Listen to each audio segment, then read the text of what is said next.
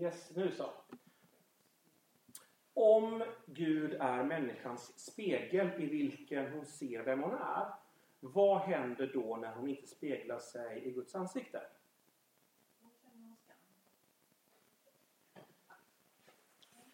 Vad händer när hon inte...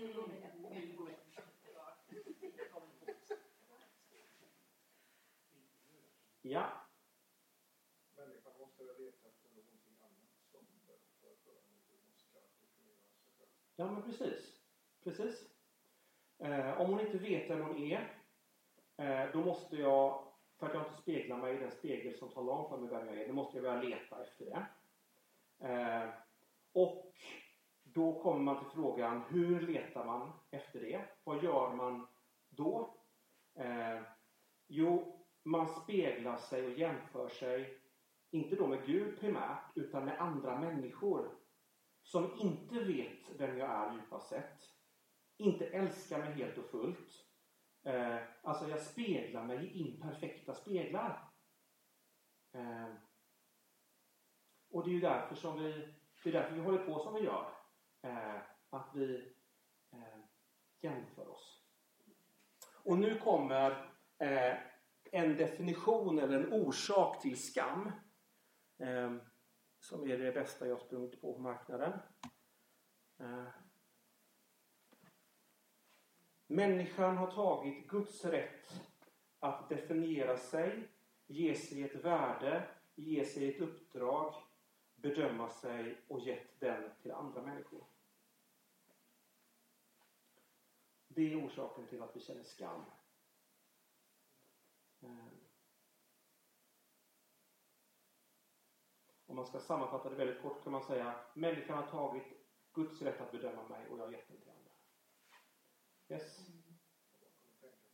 Om man nu istället för att låta människan bedöma så är man extremt bra trogen kristen så att man struntar i vad andra människor tycker för att man vet att man är älskad av Gud. Mm. Hur som regering styr man sånt folk? Jättebra fråga. Man bryr sig om någonting annat än Guds kärlek. Ja, det, mm, eh, och det är därför som, alltså det, det, det, det, är en, det är en metafråga. Men det är ju därför som den kristna tron är den mest förföljda religionen i världen. Därför att människor som bottnar i Guds kärlek kan du inte manipulera. Du kan inte styra dem. Eh, och det var ju det som gjorde att romarriket faktiskt knäcktes. Eh, därför man kunde döda, tortera, förkasta eh, och man svarade inte med våld och vapen utan man svarade oftast med, med, med kärlek och omsorg. Precis som vi ser nere i Egypten nu. Eh, de raddade upp tio stycken eh, kristna, eh, klär dem i orangea dräkter, skär halsen av dem och sedan så dagen efter så säger de kristna familjerna vi förlåter. Eh, eh det liksom... Eh, ja, Peter? Två saker bara en reflektion med det som samhälle. Vi bygger ju ändå våra samhälle utifrån kristna, eller ja, värderingar som jag, många anser är kristna. Tyvärr vi inte, vi förlitar oss på Gud att rättvisa ska ske, men tyvärr så går det nog inte att Gud tar hand om det. Alltså hur vi ska, i vårt samhälle. Så. Men vad jag ville bara säga, det, det är väldigt enkelt. Vi är ju lag vi människor, så får vi en bekräftelse från andra människor direkt. Istället för att ha tålamodet på Gud, så söker vi många. Det- Mm, det var jättesmart. Alltså det, det är ju så att den här alltså, omedelbar behovstillfredsställelse. Alltså eh, att, att jag får ju en kick när jag får en omedelbar belöning. Det är ju liksom bara, det är ju heroin liksom rakt in. Bara, tsch, så. Det var någon som skrev en bok så här att USAs president får alla herointrippar eh, att, att blekna. Alltså vilken enorm bekräftelse va? Eh, världens mäktigaste man eller kvinna. Eh, och det där med tålamod. Att gå en väg som slutligen bär fram till att jag förstår att jag älskar på djupet och inte bara har den ytliga bekräftelsen. Eh, vad sa du? Det är en synd också, kan man säga. Ja, det kan man ju säga. Att man söker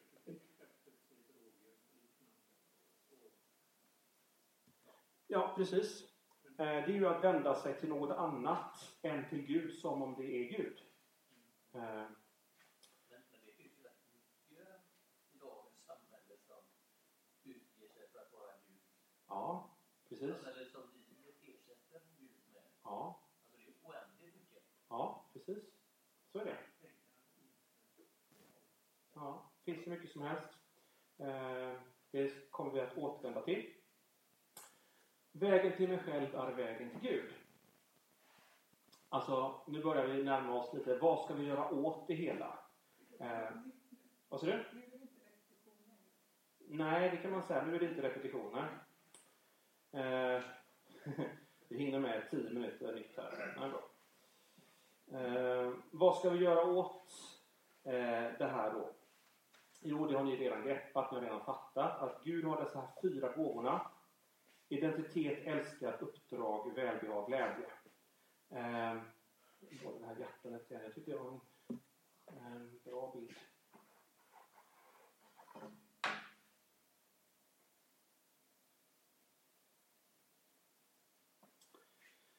Ehm, och nu kommer vi till någonting som är lite läckert tycker jag. Så här står det i Johannes evangeliets första kapitel 18 vers.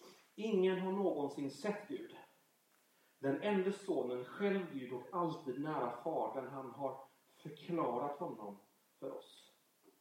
Av oss själva så känner vi inte Gud därför att vi har vänt honom ryggen. Vi har alla fattat valet att vilja vara oberoende av honom. Eh, men Jesus som är själv Gud, alltid nära Fadern. Grundtexten här är så otroligt eh, vacker för där står det alltid vid Faderns eh, bröst. Alltså det är den här kroppsdelen här som, som, eh, som är det grekiska ordet. Eh, vi kanske skulle säga ja, bröst eller ja, så. Eh, alltså den bild som målas det är ju att, att, det är ju att Jesus vilar vid Faderns bröst. Va? Det är en enormt intim och liksom nära bild. Eh, så när det står att, att, att eh, av det så förstår vi att, att Jesus inte bara har en teoretisk kunskap om Gud, han, han känner honom. Eh, så som en son känner sin fader. Eh, och därför så kan han förklara honom för oss. Eh, så att vi kan se vem Gud är och eh, vända vårt ansikte mot honom. Eh, så att vi kan spegla oss i Guds ansikte. Men det räcker inte. Utan det här är liksom självaste klon. När Jesus säger Den som har sett mig har sett Fadern. Alltså hur ska vi kunna spegla oss i Guds ansikte? Varför har vi en ikon? Det är för att vi ska ha en synlig bild som representerar Kristus.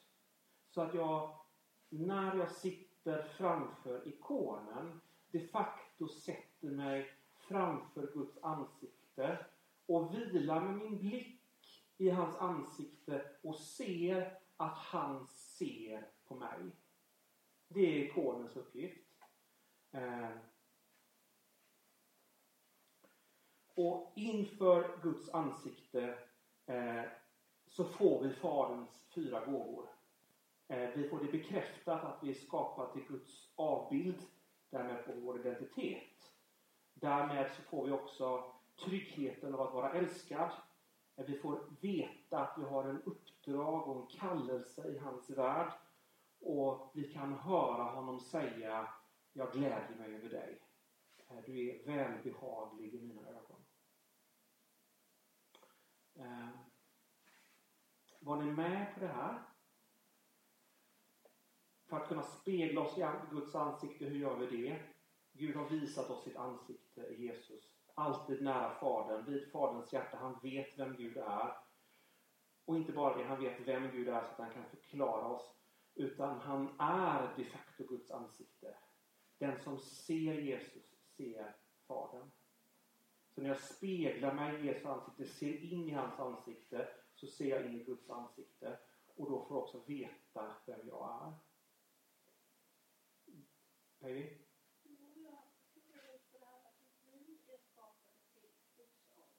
Mm.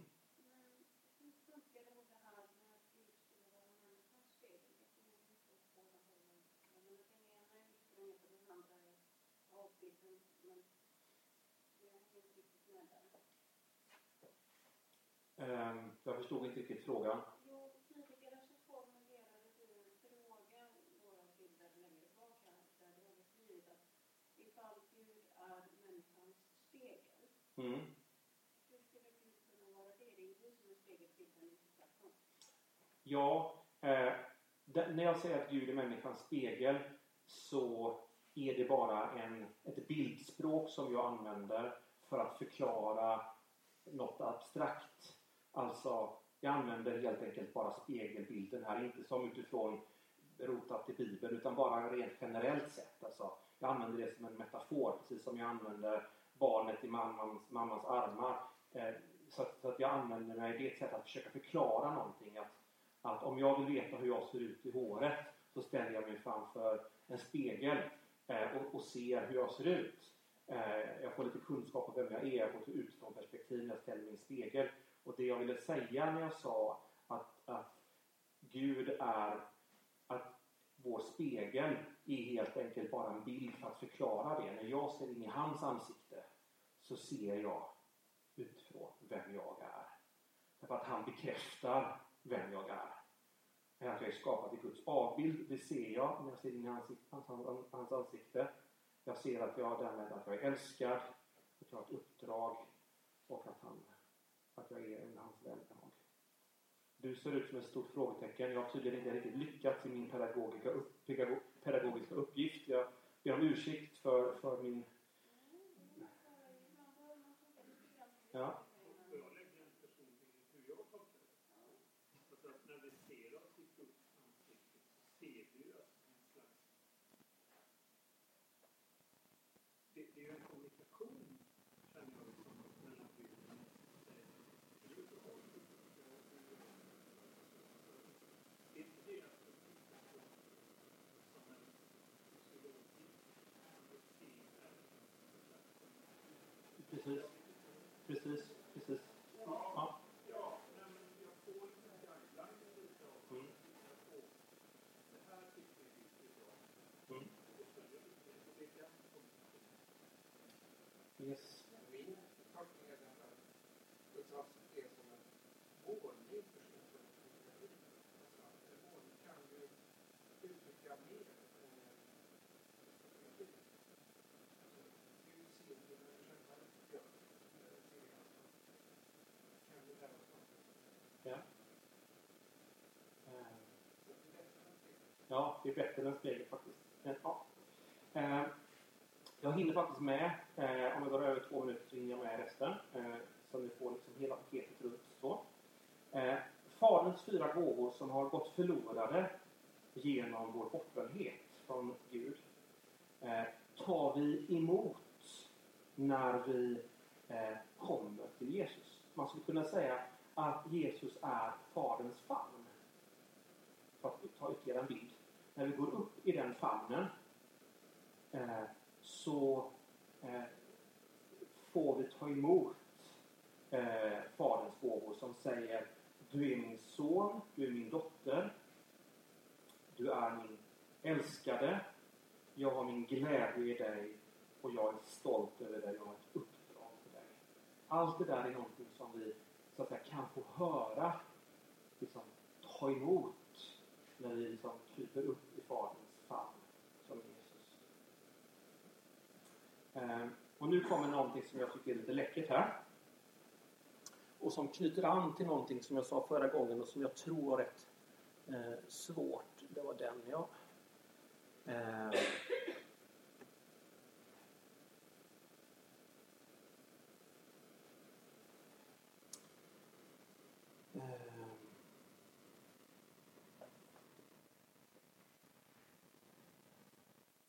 Här har vi eh, eh, förklaringsberget.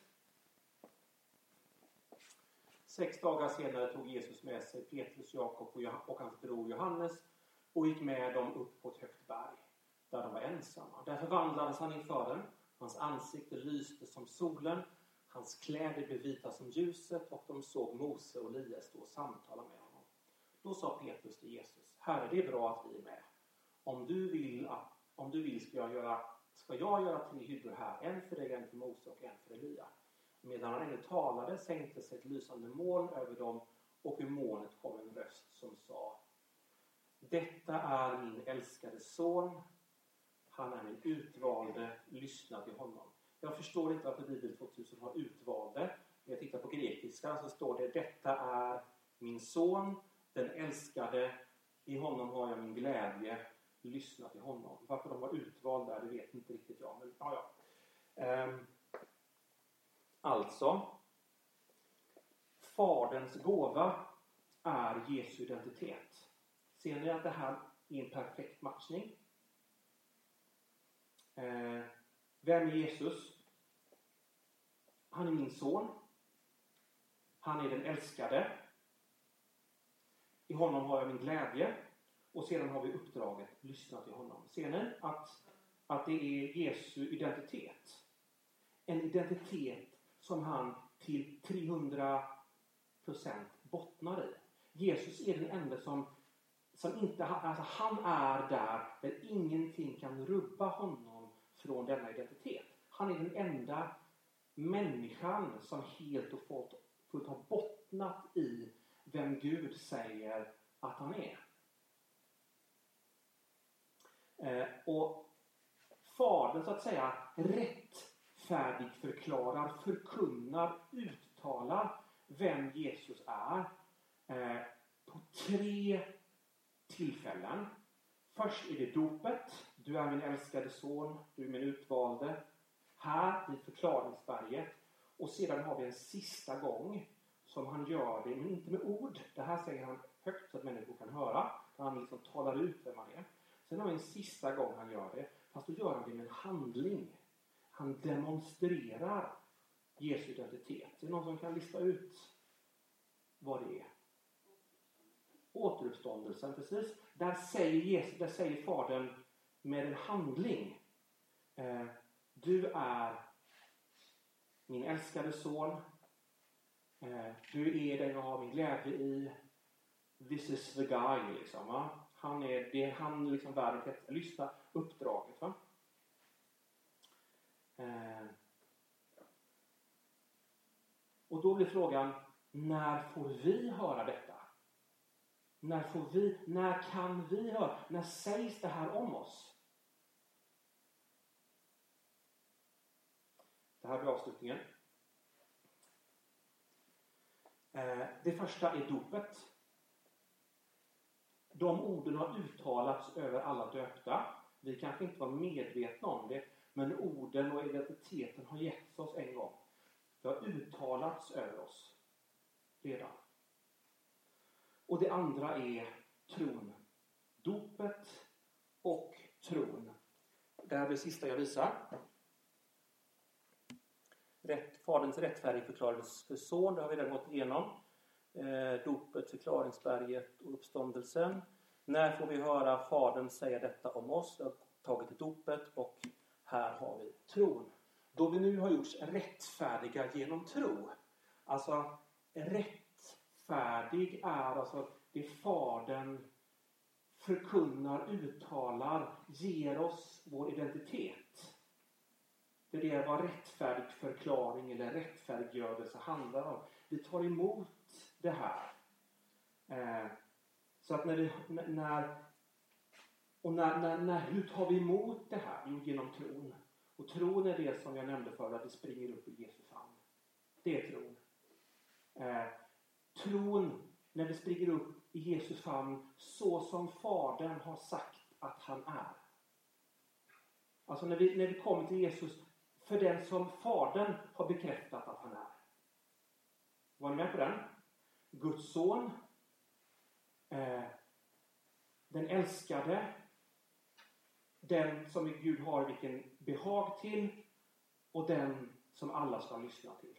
När vi så att säga kommer till Jesus så som Fadern har förklarat för oss vem han är och därmed springer upp i den Jesus famn som, Jesus, som Fadern har förkunnat att han är.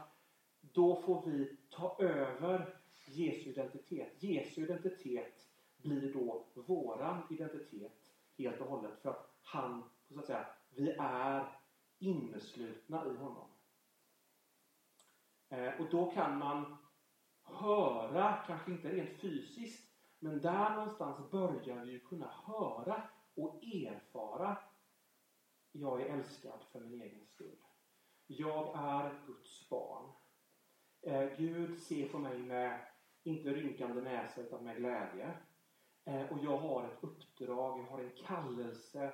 Jag är inte en obetydlig skit, utan det finns ett syfte med varför jag finns till.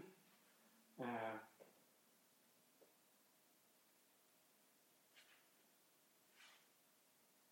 och då kan det faktiskt bli så att, lite grann som du var inne på Patrik, att andras röster om mig in, gradvis blir lite mindre bärande. Eh, därför att jag har en starkare röst. Eh, som jag naturligtvis får lära mig att, att lyssna till. Eh, och det, det, här är någonting som vi, jag ska ge er ett, ett, ett, ett, ett fantastiskt verktyg. Hur jag inom mig själv kan urskilja och lära mig att höra sanningen om mig och inte alla mina egna eh, lögner som jag tror på själv eller som andra har gett mig eller som jag har fått på grund av livets olika sidor. Sista frågan. Vi skapade till Guds avbild. Ja. Allt det berättar om Gud och som vi ska förhålla oss till för att nå kunskap om oss själva. Det innebär ju att allting som Gud är, om vi är skapade till Guds avbild så är vi ju också lite av allt det där, även om vi kanske var korkat nog att inte använda den delen av oss. Så att när jag tänker, jag kanske är käppare nu, men när jag tänker på Gud och jag ska närma mig honom så hjälper det mig att tänka att i första hand så kanske jag inte ska tänka mig en skinande snubbe på ett rosa moln, För jag tänker att jag lär känna den delen av mig själv som jag kanske genom syndafallet har glömt bort. Så det handlar inte bara om flummiga sagosnubbar, utan det handlar om att lära känna lite grann av sig själv också. Ja, och det där går ju hand i hand. Va? Alltså det är just det som är tanken med en spegel, alltså den rubriken jag hade innan. Genom att känna, lära känna Gud som är utanför mig och som inte är någon del av mig lär jag också känna mig själv och det som finns i mig. Eh, så att det där liksom hänger ihop. Va? Självkännedom och kännedom om Gud. Eh, och det, ja, det, det finns ju också ett, ett, ja, det är ett sidospår. Eh, ja, jag stoppar där tror jag. Eh, mm. Ska vi sluta med att be? Nu är klockan 36.